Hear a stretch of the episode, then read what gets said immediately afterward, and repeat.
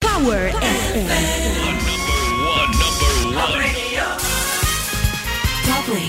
Flash në Top Albania Radio. Informacionet kryesore të ditës. Po ndiqni përmbledhjen e orës 16:00 unë jam Ani Bame.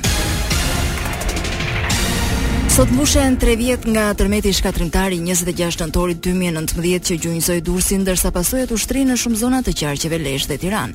Pesëdhjetë e një persona humbën jetën, mbi nëntëqind u plagosën, mijëra ndërtesa u shkatërruan dhe dëmtuan nga lëkundjet e magnitudës gjashtë pikë katër Richter. Rreth njëmbëdhjetë mijë e pesëqind familje patën humbur shtëpitë dhe mbetën të pastrehë. Por sërish ka njerëz që përballen me problemin e strehimit si në Manëz të Durrësit ku tetë familje ende jetojnë në kontejnerë apo baraka të improvizuara. Ato nuk kanë dokumente pronësie për banesat që zotëronin para tërmetit, Për kreun e Njësisë Administrative të Manzës kjo problematikë i tejkalon kompetencat e institucionit që ai drejton.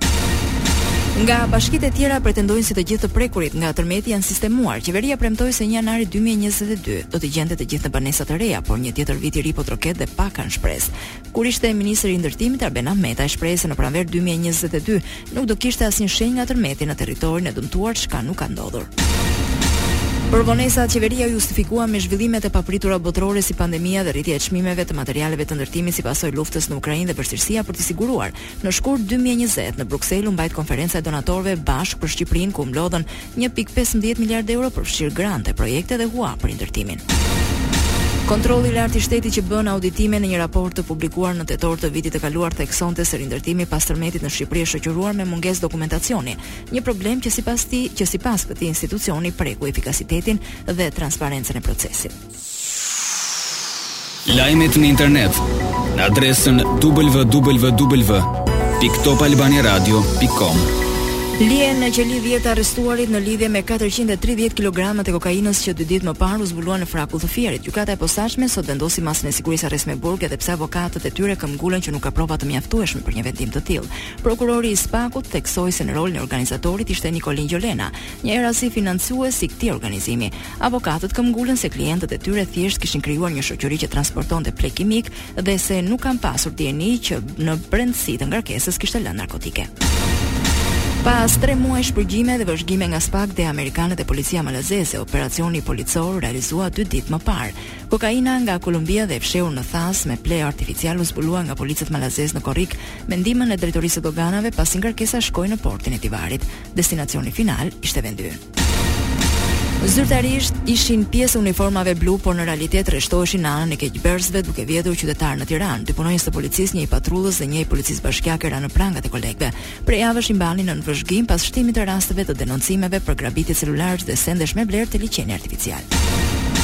Në një bashkëbisedim me qytetarë në rrjete sociale Sali Berisha tha se më 6 dhjetor sheshi do mbushet me protestues.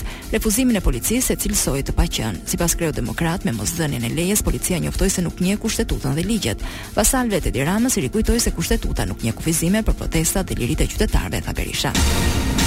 Një shpërthim eksplozivi u regjistrua sot në Durrës ku një sasi lënde plasëse iu vendos një butiku në lagjen numër 7 në pronësi të shtetases Jonida Karaboja, pati vetëm dëme materiale. Në kuadër të hetimeve për zbardhjen e ngjarjes në Policinë Durrës u shoqëruan disa persona. Lajme nga bota. Gjermania drejt lehtësimit të procedurave për marrjen e nënshtetësisë, qeveria po mendon të çojë përpara planet për të lehtësuar rregullat përpjekje që po sulmohet nga opozita konservatore. Kancelari Scholz tha sot se prej kohësh Gjermania është bërë vend i shpresës për shumë njerëz dhe është diçka e mirë kur njerëzit marrin nënshtetësinë. Marrëveshja e koalicionit qeveritar përcakton që njerëzit të kenë të drejtë për nënshtetësinë gjermane pas 5 vitesh ose 3 në rast arritjesh të veçanta integruese. Kjo në vend të 8 apo 6 vjetësh sa ishte rregulli aktualisht. Po ashtu fëmijët e lindur në Gjermani automatikisht do bëhen shtetas nëse njëri prind ka qenë rezident i ligjshëm për 5 vjet. Gjithashtu, qeveria dëshiron të heqë kufizimet për mbajtjen e shtetësisë së dyfishtë. Elon Musk synon të mbështesë guvernatorin e Floridës, republikanin Ron DeSantis, nëse vendos të kandidojë në presidencialet amerikane të dy mijë e njëzet e katër-s. Në Twitter, multimiliarderi u përgjigj me po pyetjes a do ta mbështesë DeSantin. Njeriu më i pasur i botës kujtoi se pati mbështetur aktivisht Barack Obamën dhe se votoi Joe Bidenin, por u zhgënjye. Sport. Në Katar 2022 Poloni Arabi Saudite ishte e dyta ndeshje për sot dhe sapo përfundoi me rezultatin 2-0. Më herët gjatë ditës u luaj Tunizi Australi 0-1. Australianët mundën tunizianët falë një goli të shënuar nga Mitchell. Tunizia luftoi fort por nuk ia doli të mposhte portierin Matthew Ryan. Francë Danimarkë është përballja tjetër e raundit të dytë në këtë grup. Sfida fillon në orën 17.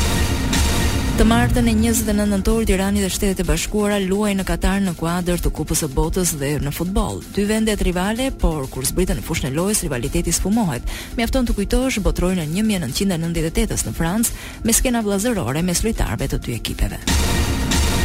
Ndër vite botërorët e futbollit janë të mbushur me momente kyçe kur gjeopolitika hyn në fushë që me përballjen e 1938-s me Italinë fashiste dhe Francën deri në 2018-ën kur Zvicra fitoi 2-1 ndaj Serbisë falë dy golave të Granit Xhakës dhe Xherdan Shaqirit nga familje kosovare dhe që festuan duke bërë me dorë shqiponjën e flamurit shqiptar, gjest i mbështetjes për Kosovën.